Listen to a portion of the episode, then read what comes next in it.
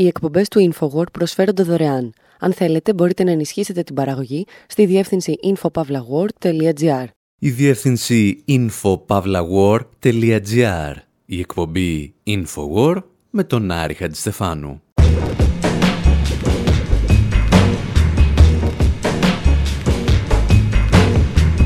όπου σήμερα ολοκληρώνουμε την ανασκόπηση του 2022 με τη ματιά του Infowar. Θυμόμαστε όχι τα γεγονότα, αλλά τάσεις και συμπεριφορές που καθόρισαν τη χρονιά που φεύγει. Παρακολουθούμε τους θεούς της Silicon Valley να πέφτουν στη γη μαζί με τα κρυπτονομίσματά τους και τις ιδέες τους για το Twitter. Θυμόμαστε ότι το 2022 ήταν η χρονιά της παραπληροφόρησης και της προπαγάνδας και παρακολουθούμε μία από τις πιο σύγχρονες εκδοχές τους, το περίφημο sports washing, το αθλητικό ξέπλυμα που πραγματοποίησε το Κατάρ. Παρακολουθούμε τη νίκη ενός πρώην αντάρτη στην Κολομβία και αναρωτιόμαστε εάν το 2022 έσβησε λίγο το φασιστικό μαύρο της Λατινικής Αμερικής. Και φυσικά θυμόμαστε απ' έξω απ' έξω το γεγονός της χρονιάς, τη ρωσική εισβολή στην Ουκρανία.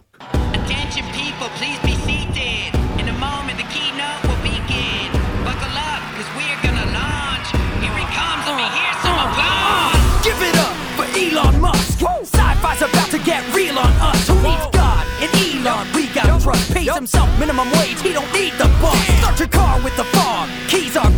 Want something larger? You should see our truck. But if you're bored, there's more than four wheels on Musk. Hop on his rocket if you want to feel that Elon thrust. Blood, sweat, and tears, call that Elon's must. Yo. Let's carve a marble sculpture of Elon's bust. More of a uh. model entrepreneur than Steve Jobs plus. Self-taught and rocket science far beyond us. Forget the energy crisis, he can recharge us. Make it sustainable. One day we all must. He's on a Star Trek. Scotty, beam on out. But what's the deal with Neil Armstrong? He lost touch. Commercialized space, what a terrible. Ο JT Music περιγράφει την επιχειρηματική πορεία του Elon Musk. Το τραγούδι εξηγεί πως ο Μάσκ θα δώσει λύση στην καταστροφή του περιβάλλοντος, θα χτυπήσει τις μεγάλες πετρελαϊκές εταιρείες με τα ηλεκτρικά του αυτοκίνητα, θα σώσει την ανθρωπότητα μεταφέροντάς μας σε άλλους πλανήτες, θα λύσει το κυκλοφοριακό των μεγαλοπόλεων και ούτω καθεξής. Και όπως λέει το τραγούδι, ποιος χρειάζεται το Θεό όταν μπορείς να πιστέψεις στον Elon Musk;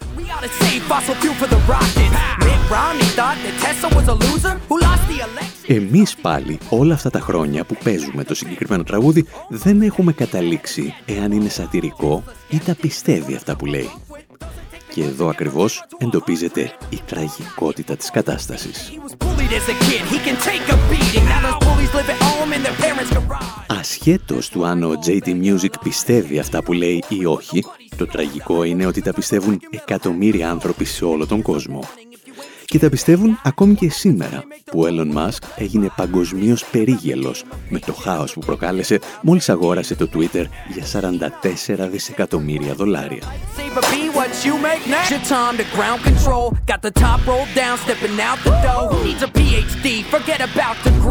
Για αυτούς τους ανθρώπους βέβαια δεν είχαμε καμία αμφιβολία τι πιστεύουν.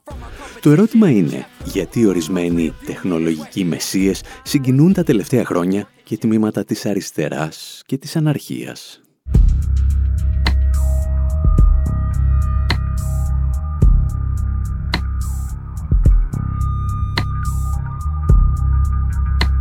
Τις τελευταίες εβδομάδες, παραδείγματος χάρη, χάσαμε έναν ακόμη τεχνομεσία που υποσχόταν να κάνει τον κόσμο καλύτερο μέσω των κρυπτονομισμάτων.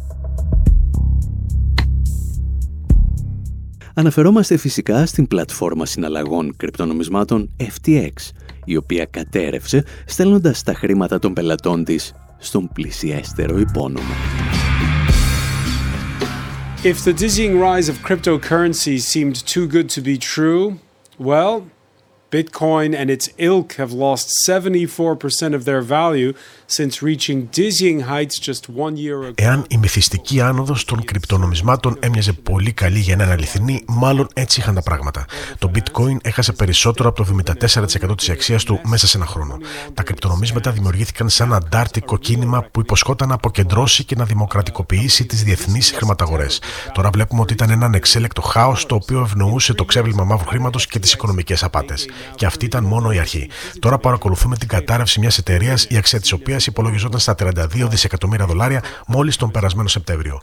Πώς γίνεται ο ιδρυτής της εταιρείας FTX να μετατράπηκε από έναν απλό φοιτητή φυσική σε δισεκατομμυρίουχο χρηματιστή μέσα σε μόλις τρία χρόνια; Ορισμένοι τον αντιμετώπιζαν σαν προφήτη όταν μιλούσε για το λεγόμενο ηθικό αλτρουισμό. Τώρα όμως μαθαίνουμε ότι η εταιρεία του με έδρα της Μπαχάμες δεν ήξερε ούτε πώς να ετοιμάζει μια φορολογική δήλωση.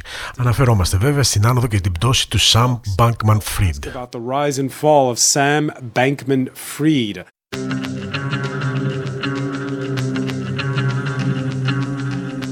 Το 2022 λοιπόν ήταν η χρονιά που κατέρευσαν τα ενδάλματα των απανταχού τεχνοουτοπιστών.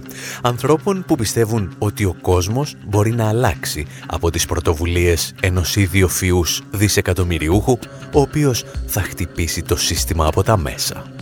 Κάποιοι πίστεψαν ότι θα το έκαναν με κρυπτονομίσματα, αλλά από αυτή την ιστορία χάθηκαν το 2022 σχεδόν 2-3 εκατομμύρια δολάρια. Κάποιοι είχαν ποντάρει στα ηλεκτρικά αυτοκίνητα της εταιρείας Tesla, η χρηματιστηριακή αξία της οποίας κατέρευσε κατά 70% σε ένα χρόνο. Άλλοι είχαν ποντάρει στον ίδιο τον Elon Musk, ο οποίος πέταξε 44 δισεκατομμύρια δολάρια στο Twitter για να προσφέρει και πάλι το λόγο σε φασίστες και ψεκασμένους συνωμοσιολόγους. Και κάποιοι άλλοι πίστεψαν στον Mark Zuckerberg, ο οποίος πέταξε σχεδόν 30 δισεκατομμύρια δολάρια στο Metaverse, που όπως είπαν κάποιοι κακεντρεχείς, είναι σαν να παίζεις PlayStation 2 στις αρχές του 2000. Αν μη τι άλλο, το 2022 μάθαμε ότι το να είσαι πλούσιος δεν σημαίνει ότι είσαι έξυπνος. Και οι μόνοι πλέον που το πιστεύουν είναι κάτι φτωχοί οπαδοί της αριστείας. Και εμείς που όπως έλεγε και ο Ουγκό ανέκαθεν προτιμούσαμε μια έξυπνη κόλαση από έναν ηλίθιο παράδεισο, βρήκαμε το 2022 μια τέτοια κόλαση στο παγκόσμιο κύπελο ποδοσφαίρου του Κατάρ.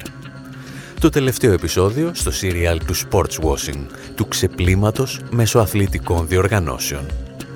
Για αυτή την ιστορία όμως θα χρειαστούμε τη βοήθεια του Έρικ Καντονά. they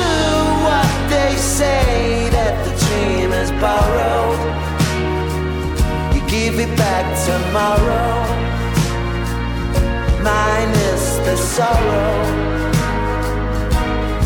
And that pain, she just comes in to break up the daydream. A knife edge is waving to keep from feeling the same thing. Ο κύριος που ακούτε είναι ο Liam Gallagher, παλαιότερα τραγουδιστής των Oasis, που μας παρουσιάζει εδώ το κομμάτι του με τίτλο Once. Αυτό που δεν βλέπετε είναι ότι στο βίντεο κλιπ του τραγουδιού κυριαρχεί η πληθωρική φυσιογνωμία του Eric Cantona. Με τη δική μας πολιτική ματιά, ίσως του σημαντικότερου ποδοσφαιριστή του 20ου αιώνα, μαζί με τον Diego Maradona. Μία ωραία πρωία, ο Γκάλαχερ είδε λέει στο Instagram ότι ο Καντονά είχε ανεβάσει ένα βιντεάκι στο οποίο σιγομουρμούριζε το συγκεκριμένο τραγούδι και έτσι τον κάλεσε να παίξει και στο βίντεο κλιπ. Όταν τον ρώτησε όμως πόσα χρήματα ήθελε, ο Καντονά του απάντησε «Δεν θέλω τίποτα». Όταν του ζήτησε να του κλείσει το αεροπορικό ειστήριο και να στείλει κάποιον να τον πάρει από το αεροδρόμιο, ο Καντονά είπε ότι έχει αγοράσει εισιτήριο και έχει νοικιάσει και αυτοκίνητο. Και όταν τον ρώτησε τι κρασί του αρέσει για να τον κεράσει ένα ποτήρι, ο Καντονά είπε «Μη σε νοιάζει τίποτα, φέρνω δικό μου κρασί». Και Και όλα αυτά σας τα λέμε σε περίπτωση που δεν έχετε ακούσει το παλαιότερο αφιέρωμά μας στον Ερικάντονα για να σας εξηγήσουμε ότι αυτόν τον θεόμουρλο Γάλλο πρώην ποδοσφαιριστή και νυν ηθοποιό δεν μπορείς ούτε να τον εξαγοράσεις ούτε να του αλλάξεις γνώμη αν έχει αποφασίσει να κάνει ή να πει κάτι. Το τελευταίο πράγμα που αποφάσισε να πει ο Καντονά είναι ότι θεωρεί απαράδεκτο να υπάρχουν πρώην συναδελφοί του ποδοσφαιριστές οι οποίοι διαφημίζουν το κράτος του Κατάρ και το παγκόσμιο κύπελο ποδοσφαίρου. Και είμαστε σχεδόν βέβαιοι ότι είχε στο μυαλό του τον David Beckham, ο οποίος τα πήρε χοντρά από τους Καταριανούς για να πρωταγωνιστήσει σε αυτό το διαφημιστικό βιντεάκι.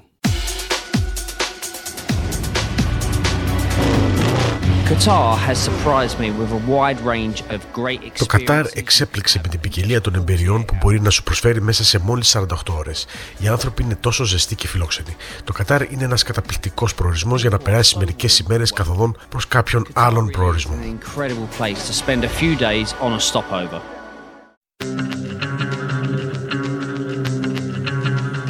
Όταν ο Μπέκαμ λέει ότι οι άνθρωποι στο Κατάρ είναι ζεστοί, ίσως και να μιλάει κυριολεκτικά.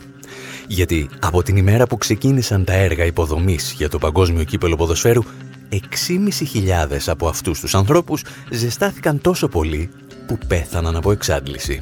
Ήταν οι 6.500 ξένοι εργάτες, οι οποίοι σύμφωνα με την εφημερίδα Guardian φαίνεται να άφησαν την τελευταία τους πνοή από εξάντληση και ασθένειες που σχετίζονται με τις συνθήκες εργασίας τους. Το Κατάρ χρησιμοποιεί λοιπόν τη διοργάνωση του παγκοσμίου κυπέλου που του προσέφερε η FIFA για να κάνει το λεγόμενο sports washing, σε ελληνική απόδοση το ξέπλυμα μέσω του αθλητισμού. Όπως έχουμε δηλαδή το greenwashing για το πράσινο ξέπλυμα κρατών και εταιριών, το pinkwashing που σχετίζεται με τα δικαιώματα της ΛΟΑΤΚΙ κοινότητας και ούτω καθεξής. Παρεπιπτόντος, για να κάνουμε τη διαφήμιση της ημέρας, όλους αυτούς τους όρους τους εξηγούμε στο βιβλίο «Προπαγάνδα και παραπληροφόρηση» που κυκλοφορεί από τις εκδόσεις «Τόπος» και το οποίο περιλαμβάνει αρκετά παραδείγματα από την Ελλάδα. Κλείνει η παρένθεση και δίνουμε το λόγο στον Dave Zirin, ίσως τον πιο πολιτικοποιημένο αθλητικό συντάκτη των Ηνωμένων Πολιτειών θα μας εξηγήσει τι ακριβώς σημαίνει sports washing και έτσι θα καταλάβουμε και τα νεύρα του Eric Καντονά. Sports washing is when an authoritarian regime uses a major sporting event like the World Cup or the Olympics as a method of. Sport washing είναι το φαινόμενο στο οποίο ένα αυταρχικό καθεστώς χρησιμοποιεί ένα μεγάλο αθλητικό γεγονός, σαν το Παγκόσμιο Κύπρο Ποδοσφαίρου ή τους Ολυμπιακούς Αγώνες, για να αποσπάσει την προσοχή της κοινής γνώμης από τα εγκλήματα που πραγματοποιεί εναντίον του πληθυσμού του. Αυτό είναι το sports washing. Uh, that's what sports washing is. Ο Ζήριν εξηγεί κάτι πολύ απλό πως όταν είσαι μια ομοσπονδία όπως η FIFA ή η ΔΟΕ που κερδίζει δισεκατομμύρια από κάθε διοργάνωση θέλεις έναν διοργανωτή ο οποίος να είναι έτοιμος να κάνει τα πάντα αγνοώντας το πολιτικό κόστος. Γι' αυτό οι καλύτεροι πελάτες αυτών των ομοσπονδιών είναι τα αυταρχικά καθεστώτα. Τι γίνεται όμως όταν τη διοργάνωση αναλαμβάνουν οι αστικές δημοκρατίες της Δύσης; Το sports washing, εξηγούσε ο Ζήριν, είναι και πάλι εδώ. Αυτή τη φορά όμως δεν θέλουν τα αυταρχικά καθεστώτα να μοιάσουν στις αστικές δημοκρατίες, αλλά οι αστικές δημοκρατίες να γίνουν αυταρχικά καθεστώτα. What you see though when say the Olympics are coming to Paris in 2024 Um, Τι γίνεται όταν λένε ότι οι Ολυμπιακοί Αγώνες έρχονται στο Παρίσι το 2024 ή στο Λος Άντζελες το 2028. Τότε αυτές οι λεγόμενες δημοκρατίες της Δύσης αρχίζουν να συμπεριφέρονται σαν αυταρχικά καθεστώτα. Προωθούν κατασκευαστικά έργα αλλά και μέτρα αστυνόμευση τα οποία θα ζήλευαν ακόμη και τα αυταρχικά καθεστώτα. Μπορούν να το κάνουν γιατί εκμεταλλεύονται τον ενθουσιασμό που προκαλεί η διοργάνωση. Και αυτή είναι η άλλη πλευρά του sports washing για την οποία δεν μιλάμε αρκετά. Δεν είναι μόνο ότι συγκαλύπτουν τα εγκλήματα αυταρχικών καθεστώτων, αλλά και ότι προωθούν πολιτικές τις οποίες ο κόσμος θα απέριπτε εάν δεν εμφανίζονταν με το περιτύλιγμα του αθλητισμού.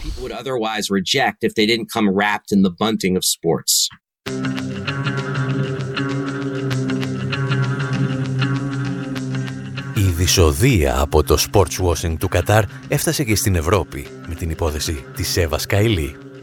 Και θα την δούμε σίγουρα να αναπτύσσεται και το 2023, αυτή τη φορά από τη Σαουδική Αραβία, που διεκδικεί ένα ακόμη παγκόσμιο κύπελο ποδοσφαίρου. Στην άλλη πλευρά του Ατλαντικού πάντως είχαμε και μερικές καλές ειδήσεις. Στις Ηνωμένες Πολιτείες οι ακροδεξιοί ρεπουμπλικάνοι του Τραμπ δεν κατάφεραν να σαρώσουν στις εκλογές όπως περίμεναν πολλοί. Στη Βραζιλία οι ψηφοφόροι απομάκρυναν από την εξουσία τον φασίστα Ζαΐρ Μπολσονάρο και στη Βενεζουέλα ακόμη και η δεξιά αντιπολίτευση πέταξε οριστικά στα σκουπίδια τον επίδοξο πραξικοπηματία Χουάν Γκουαϊδό. Εμείς πάλι σκεφτήκαμε να μιλήσουμε για αυτό το ροζ ρεύμα που φάνηκε να αχνοφέγγει στη Νότια Αμερική μέσα από την ιστορία ενός αντάρτη που κατέλαβε την εξουσία στην Κολομβία.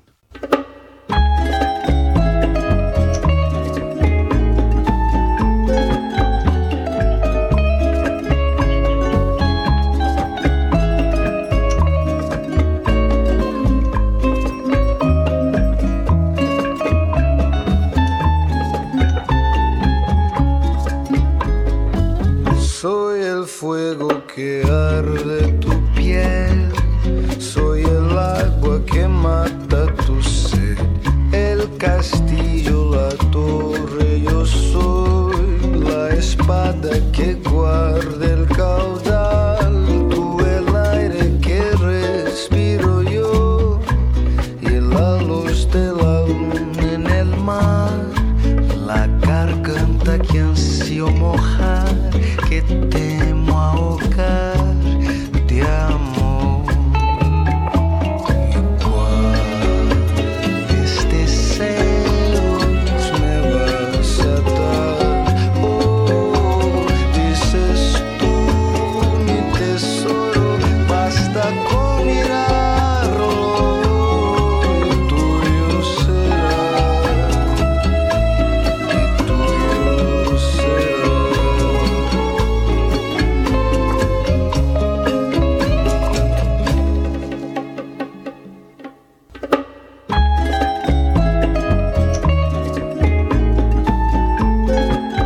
τραγούδι που ακούτε είναι ένα μπολέρο. Εκείνο το είδος των τραγουδιών που σύμφωνα με τον Γκαμπρίελ Γκαρσία Μάρκες περιέχει τόση λογοτεχνία ώστε ο ίδιος δεν ήταν σε θέση να το διαχειριστεί.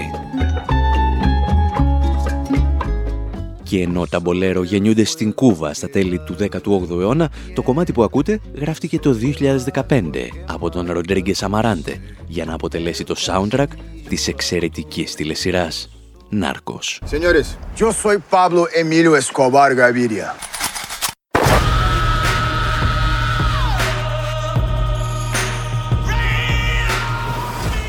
Ο Χωσέ Παντήλα μπορεί να σκηνοθέτησε μόνο τα δύο πρώτα επεισόδια από τους τρεις κύκλους, αλλά η σειρά φέρει φαρδιά πλατιά την υπογραφή του, καθώς είναι ο παραγωγός.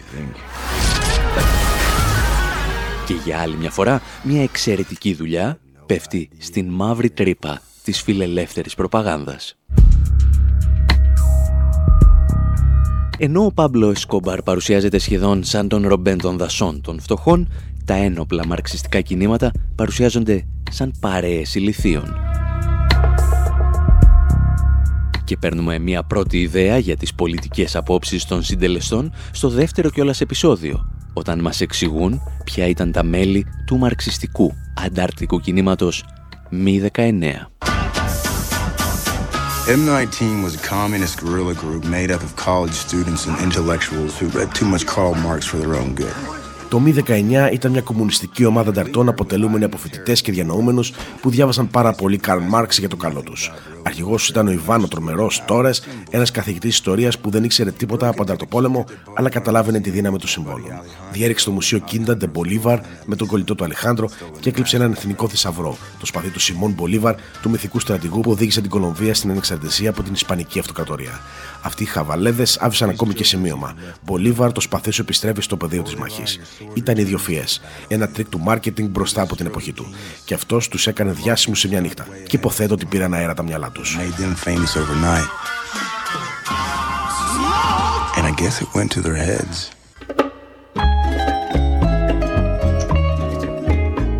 Ο Παντήλα αναπαράγει εδώ όλα τα φιλελεύθερα και δεξιά στερεότυπα για τα αριστερά αντάρτικα της Κολομβίας. Αυτό όμως που δεν μπορούσε να φανταστεί ήταν ότι ένα πρώην μέλος του κινήματος Μη 19 θα έφτανε να διεκδικεί την Προεδρία της Κολομβίας.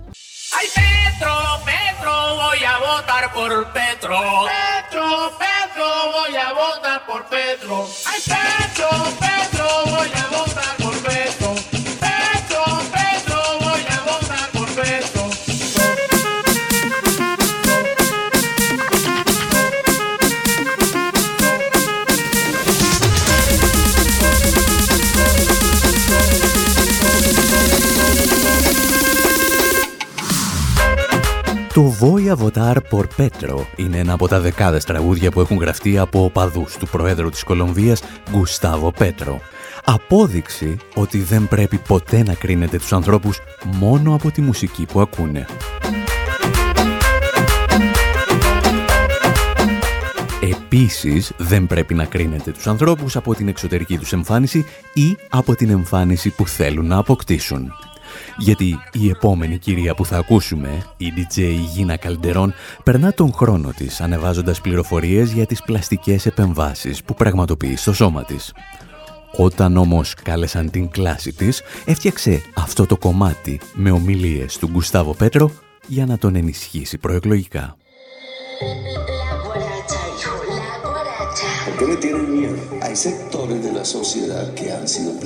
por las cosas como están. Y yo me he propuesto el cambio. Y el cambio a veces da miedo. En general el cambio da miedo. La corrupción se combate arriesgando la vida. Porque es un régimen de corrupción lo que enfrentamos. Nosotros hemos arriesgado la vida para luchar contra la corrupción, no de mentiras, de Los noto asustados.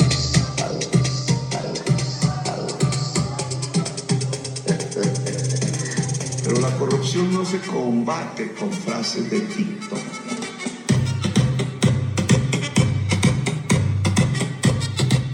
Για να μην σας τα πολυλογούμε, η εκλογή του Πέτρο σηματοδοτεί μια κολοσσία αλλαγή στο πολιτικό σκηνικό της Κολομβίας και οι οπαδοί του πανηγυρίζουν ξέφρενα, ακόμη και σήμερα.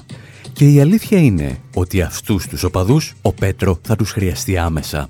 Γιατί, όπως μας θύμιζε και η Amy Goodman στο Democracy Now!, έχει θέσει πολύ ψηλά τον πύχη. Gustavo Petro is a former M19 guerrilla, a former senator, and the former mayor of Bogota. Ο Γκουστάβο Πέτρο είναι ένας πρώην αντάρτης του M19, πρώην γερουσιαστής και πρώην δήμαρχος της Μποκοτά. Έχει δεσμευτεί να καταπολεμήσει την αυξανόμενη φτώχεια και ανισότητα στην Κολομβία, φορολόγοντα τους πλούσιους να επεκτείνει τα κοινωνικά προγράμματα όπως και την εκπαίδευση και την περίθαλψη. Έχει καλέσει για τον τερματισμό κάθε νέα εξόριξη πετρελαίου και την απομάκρυνση από μια οικονομία που για καιρό βασίζεται στα ορυκτά καύσιμα. Ο Πέτρο έχει επίσης πει πως η κυβέρνησή του σχεδιάζει να αποκαταστήσει τις σχέσεις με τη Βενεζουέλα και να επαναδιαπραγματευτεί μια εμπορική συμφωνία με τις ΗΠΑ που θα ωφελεί περισσότερο τους Κολομβιανούς.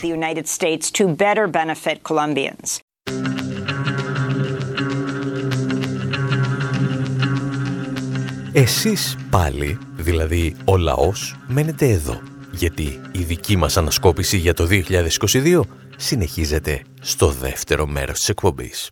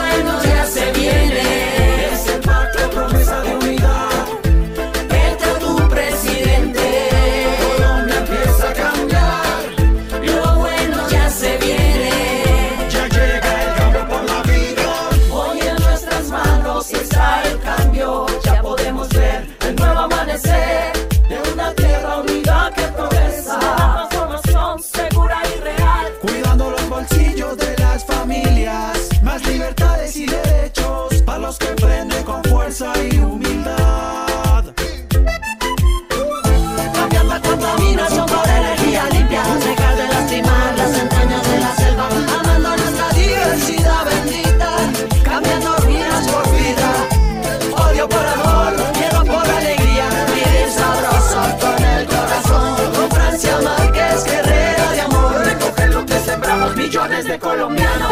Petro mi presidente. Cuando el cambio será real. Lo bueno ya se viene. Ese pacto promesa de unidad. Petro tu presidente. Colombia empieza a cambiar. Lo bueno ya se viene. Ya llega el cambio por la vida. Cambiaremos explotación por arte y una canción, violencia por educación y ciencia.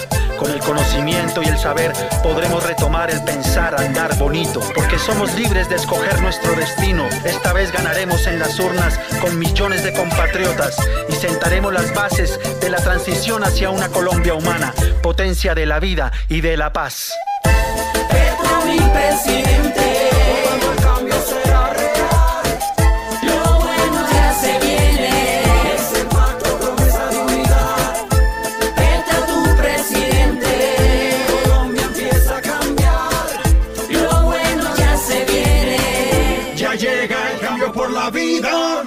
Οι εκπομπές του InfoWord προσφέρονται δωρεάν. Αν θέλετε, μπορείτε να ενισχύσετε την παραγωγή στη διεύθυνση infopavlagor.gr.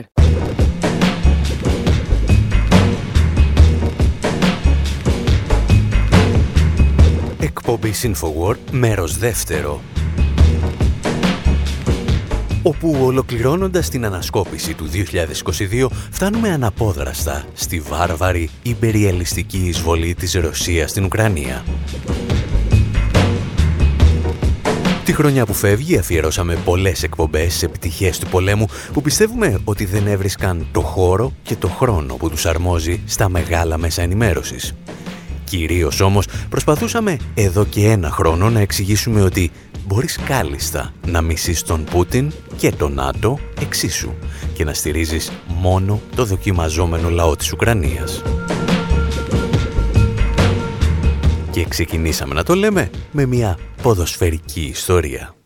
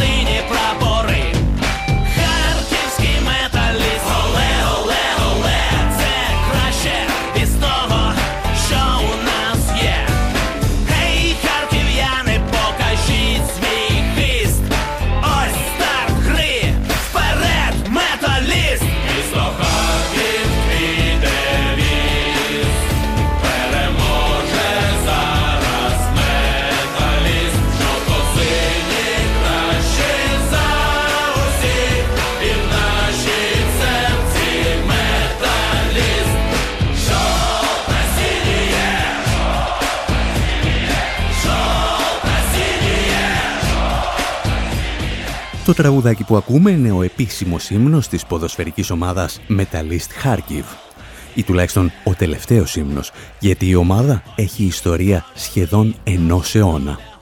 Ιδρύθηκε το 1925 στο Χάρκοβο από σοβιετικούς εργάτες που εργάζονταν σε ένα τοπικό εργοστάσιο παραγωγής αρμάτων μάχης. Και αυτό το γεγονός κάνει την ιστορία μας ακόμη πιο τραγική. Το 1982, ενώ ακόμη η ομάδα συμμετέχει στο Σοβιετικό Πρωτάθλημα Ποδοσφαίρου, θα δημιουργηθεί ένα γκρουπ φανατικών οπαδών της. Οι Ultras της Metalist Kharkiv θα ονομαστούν Sect 82 και σχεδόν τρεις δεκαετίες αργότερα, στην ανεξάρτητη πλέον Ουκρανία, θα αποτελέσουν τον πυρήνα σε αυτό που σήμερα γνωρίζουμε ως Τάγμα Αζόφ. Το τάγμα Αζόφ θα δημιουργηθεί το 2014 στην εξέγερση ή στο πραξικόπημα του Μαϊντάν. Θα αποτελέσει μια παραστρατιωτική ομάδα και δεν θα κρύψει ποτέ τα ναζιστικά χαρακτηριστικά της. Ακόμη και το Αμερικανικό FBI θα τεκμηριώσει με στοιχεία τις σχέσεις του τάγματος Αζόφ με τον ναζισμό. Γεγονός που δεν αποτρέπει βέβαια το Αμερικανικό Πεντάγωνο από το να χρηματοδοτεί την ομάδα με χρήματα των Αμερικανών φορολογούμενων. Ούτως ή άλλως, το τάγμα Αζόφ εντάχθηκε ήδη από το 2014 στην εθνοφρουρά της Ουκρανίας. Εντάχθηκε δηλαδή επισήμως στις ένοπλες δυνάμεις της χώρας. Και αυτοί δεν ήταν οι μόνοι ναζιστές στην πιάτσα.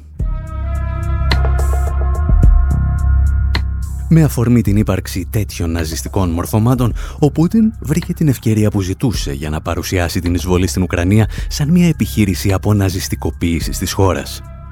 Και αυτό που ορισμένοι δεν θέλουν να καταλάβουν είναι ότι μπορείς ταυτόχρονα να καταδικάζεις τους Ουκρανούς ναζιστές και την εισβολή του Πούτιν. Τουλάχιστον τα κατάφερε ο Ουκρανός δημοσιογράφος Λεβ Γκολίνγκαν, μιλώντας στο Democracy Now! Ukraine does have a neo-Nazi presence, including a neo-Nazi regiment in its armed forces. Okay? The Azov. That does not give Russia any Στην Ουκρανία υπάρχουν νεοναζί, συμπεριλαμβανομένου ενός νεοναζιστικού τάγματος στι ένοπλε δυνάμεις της. Αυτό δεν δικαιολογεί την εισβολή της Ρωσίας ούτε σε ένα εκατοστό ουκρανικό εδάφο. Αυτά τα δύο στοιχεία μπορεί να είναι αληθή ταυτόχρονα και είναι εξαιρετικά κουραστικό να βλέπεις ανθρώπους να λένε ότι ισχύει μόνο το ένα. Από τη μία ακούς ότι ο Πούτιν είναι ένας σωτήρας που επιχειρεί να ελευθερώσει την Ουκρανία, άποψη που είναι για τα σκουπίδια. Από την άλλη όμως ακούς ανθρώπους να λένε Ε, λοιπόν, τότε η Ουκρανία δεν έχει καθόλου νεοναζί, οπότε δεν πρέπει να ανησυχούμε για αυτούς. Το αντίθετο.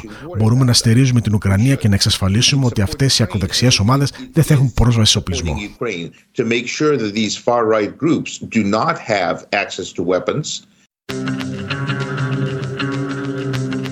Το πρόβλημα, σύμφωνα με τον Κολίνγκαν, δεν είναι ότι ορισμένοι αρνούνται να καταδικάσουν ταυτόχρονα τους Ουκρανούς φασίστες και τους Ρώσους εισβολείς.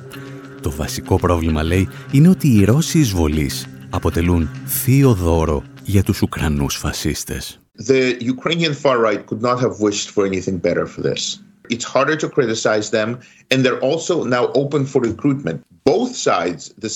Η Ουκρανική ακροδεξιά δεν θα μπορούσε να έχει ευχηθεί για κάτι καλύτερο από τη ρωσική εισβολή. Είναι πιο δύσκολο να τους κριτικάρεις και πλέον μπορούν να στατολογούν πιο ανοιχτά. Και οι δύο πλευρές, οι αποσχιστές και η Ουκρανική ακροδεξιά, έχουν προσελκύσει νεοναζί από όλο τον κόσμο που θέλουν να λάβουν από πρώτο χέρι εμπειρία μάχης.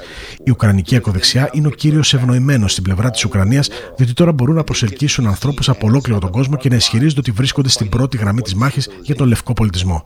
Είναι ένα πολύ επικίνδυνο φαινόμενο και θα έπρεπε να μπορούμε να το αναλύσουμε ενώ ταυτόχρονα καταδικάζουμε τα εγκλήματα πολέμου που διαπράττει η Ρωσία ενάντια στην Ουκρανία. Δεν θα έπρεπε να είναι δύσκολο να παραμείνουμε εστιασμένοι και στα δύο πράγματα ταυτόχρονα.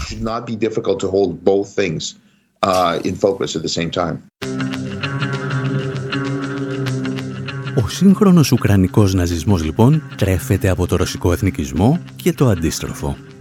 Και αν σας ενδιαφέρει το θέμα, μπορείτε να διαβάσετε περισσότερα και στο εξαιρετικό κείμενο που έγραψε ο Ανδρέας Κοσιάρης στο infopavlagor.gr με τίτλο «Ο φασισμός δεν διάλεξε πλευρά, πόνταρε σε όλες».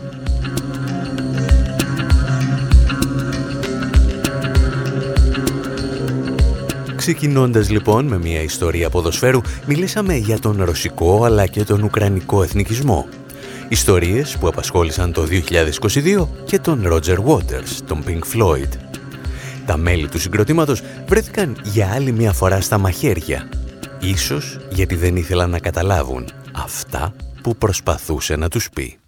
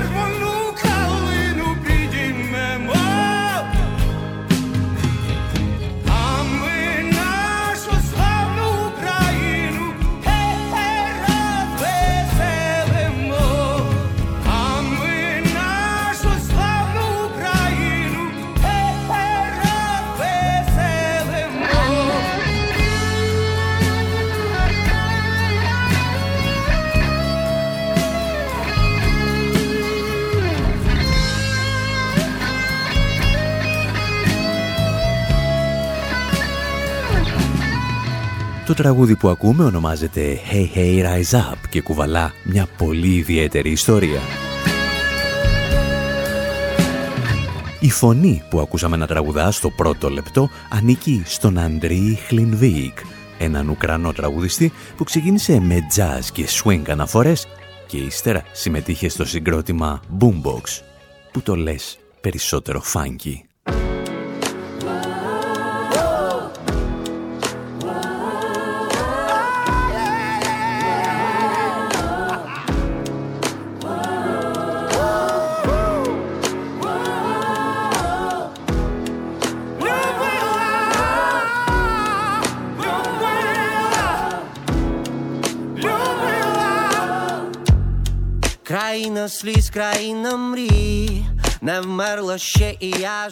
Το 2015 ο Κλινβέικ έπαιξε σε μια συναυλία μαζί με τον David Gilmour, τον Pink Floyd.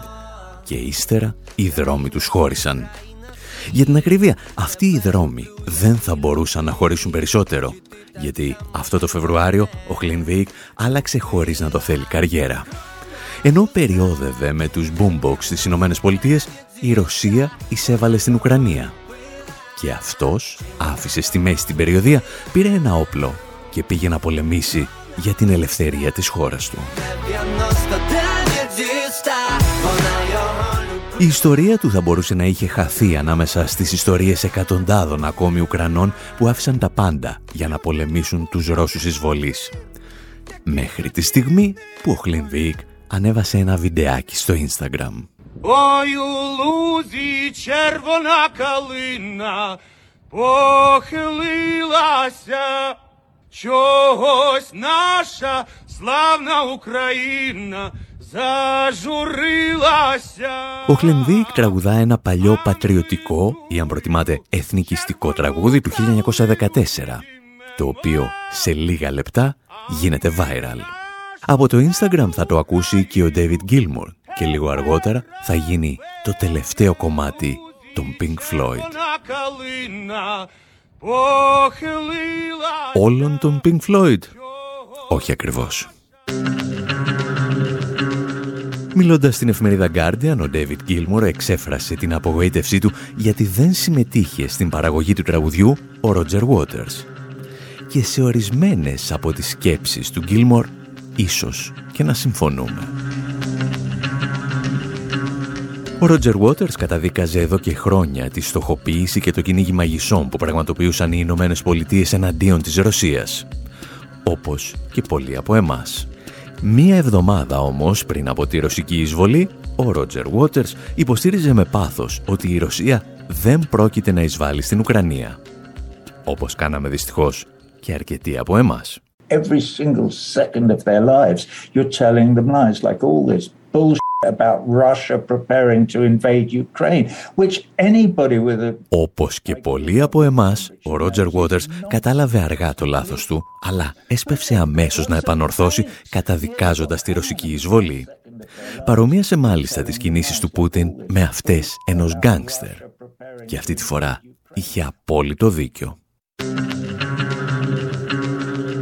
Οι Pink Floyd όμως δεν φάνηκε να τους συγχωρούν το λάθος και κυρίως το γεγονός ότι δεν συμμετείχε στο τραγούδι που έφτιαξαν για τον Αντρέι Χλενβέικ.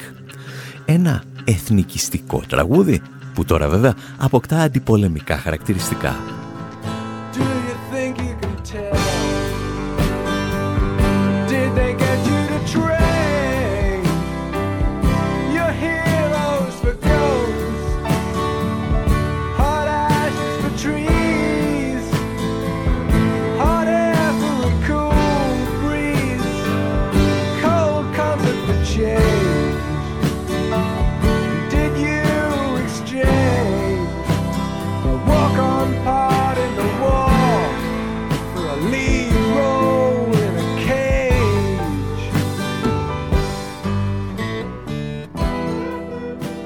Έχοντας περάσει το μεγαλύτερο μέρος της ζωής του δίνοντας πολιτικές μάχες μέσα και έξω από τα στούντιο ηχογραφήσεων, ο Ρότζερ Waters δέχτηκε το Μάρτιο του 2022 μία επιστολή από μία Ουκρανή κοπέλα η οποία θα μπορούσε να συνοψιστεί και στη φράση «Ναι, αλλά για τη ρωσική εισβολή στην Ουκρανία δεν λέτε τίποτα». Το οποίο είναι ελαφρώς άδικο γιατί ο Ρότζερ Waters είχε τοποθετηθεί για την εισβολή λίγες ημέρες νωρίτερα Παρ' όλα αυτά, η επιστολή τον συγκίνησε και θέλησε να απαντήσει στην κοπέλα από την Ουκρανία. Και εμείς αναθέσαμε στο Δημήτρη Σταθόπουλο να σας μεταφέρει ορισμένα τμήματα της απάντησης του Ρότζερ Waters. Διάβασα το γράμμα σου και αισθάνομαι τον πόνο σου. Είμαι αειδιασμένος από την εισβολή του Πούτιν στην Ουκρανία. Είναι κατά τη γνώμη μου ένα εγκληματικό λάθος. Είναι η πράξη ενός γκάγκστερ. Πρέπει αμέσως να υπάρξει κατάπαυση του πυρός. Λυπάμαι που οι κυβερνήσεις τη Δύσης αντί να χρησιμοποιούν τη διπλωματία στέλνουν οπλισμό ρίχνοντας λάδι σε μια φωτιά που θα καταστρέψει την όμορφη χώρα σου. Ελπίζω ότι ο πρόεδρός σας δεν είναι ένας ακόμη γκάγκστερ και θα κάνει ό,τι είναι καλύτερο για τους πολίτες του, ζητώντας από τους Αμερικάνους να έρθουν στο τραπέζι των διαπραγματεύσεων.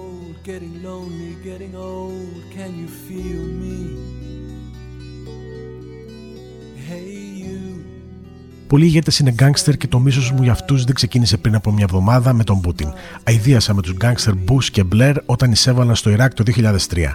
Είμαι πάντα ιδιασμένος από τις κυβερνήσεις γκάγκστερ του Ισραήλ που εισέβαλαν στην Παλαιστίνη το 1967 και συνεχίζουν για πάνω από 50 χρόνια να επιβάλλουν ένα καθεστώς apartheid. Είχα ιδιάσει με γκάγκστερ όπως ο Ομπάμα και ο Κλίντον για τον παράνομο βαρδισμό της Λιβύης και της Σερβίας. Είμαι ιδιασμένος από την ολοκληρωτική καταστροφή της Συρίας που ξεκίνησε με εξωτερικές παρεμβάσεις για την ανατροπή του καθεστώτος του 2011. Ήμουν αειδιασμένο με την εισβολή στο Λίβανο το 1982 όταν ο γκάγκστερ Σιμών Πέρας συνεργάστηκε με τους φαλαγκίτε για να δολοφονήσουν τους Παλαιστίνιους πρόσφυγες στη Σάμπρα και τη Σατήλα.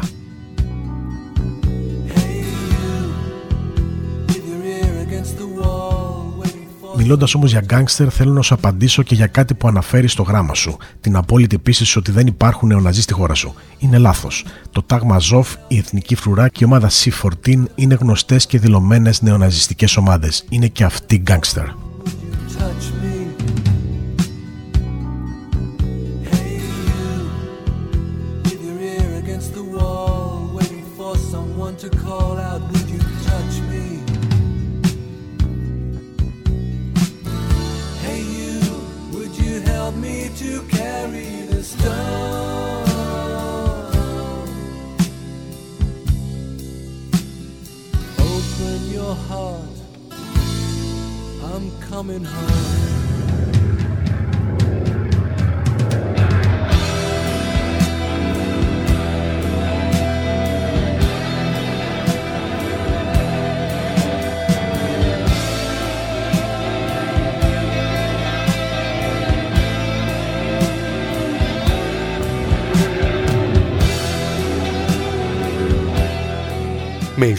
Σαν κι αυτές ολοκληρώνουμε κάπου εδώ την ανασκόπηση του 2022. Και αν σας αρέσουν τέτοιου είδους ιστορίες, να σας θυμίσουμε ότι πολλές από αυτές πέρασαν και στο βιβλίο μας «Προπαγάνδα και παραπληροφόρηση» που κυκλοφορεί από τις εκδόσεις «Τόπος» με πρόλογο του καθηγητή Γιώργου Πλιού. Χάρη σε εσάς πλησιάζουμε ήδη την έκτη έκδοση και συνεχίζουμε. Μέχρι πάντως την επόμενη χρονιά, από τον Άρη Χατζηστεφάνου, τον Ανδρέα Κοσιάρη και τον Δημήτρη Σαθόπουλο, γεια σας και χαρά σας.